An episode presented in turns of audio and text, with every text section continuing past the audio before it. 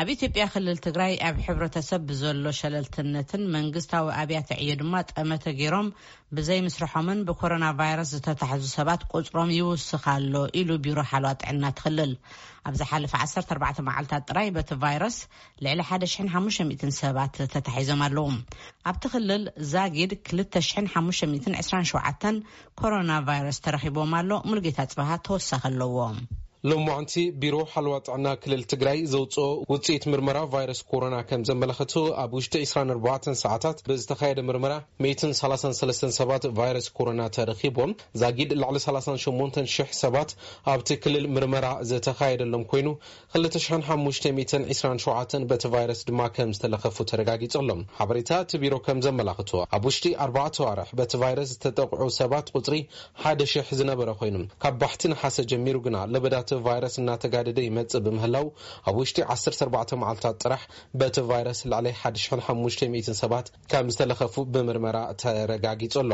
በቲ ቫይረስ ኣብ ትግራይ ህይወት ዓሰርተ ሓሙሽተ ሰባት እውን ሓሊፉ እዩ። ምክትል ሓላፊ ቢሮ ሓለዋ ጥዕና ክልል ትግራይ ዶክተር ርእየ ኢሳያስ ንድምፂ ኣሜሪካ ከም ዝሓበሩ ለበዳ እቲ ቫይረስ ይጋደድ ዘሎ ግንዛበ ኣብ ሕብረተሰብ ዋላ እንተሃሎ ብኣግባቡ ብዘይምጥንቃቕን መንግስታዊ ኣብያተ ዕዮ እውን ግቡእ ጠመተ ሂቦም ብዘይምስርሖምን እዩ ኢሎም።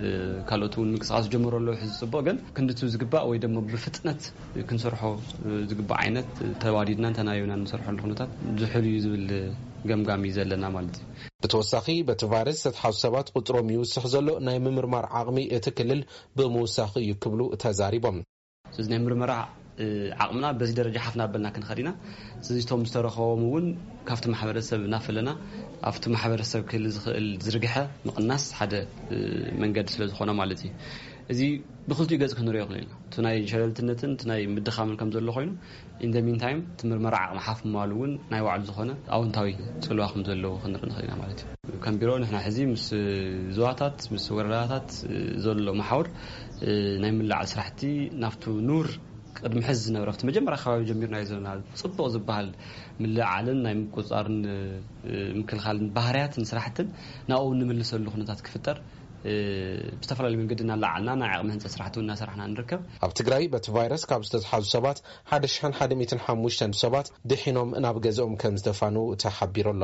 ንድምፂ ኣሜሪካ ሙልጌታ ኣፅብሃ መቐለ።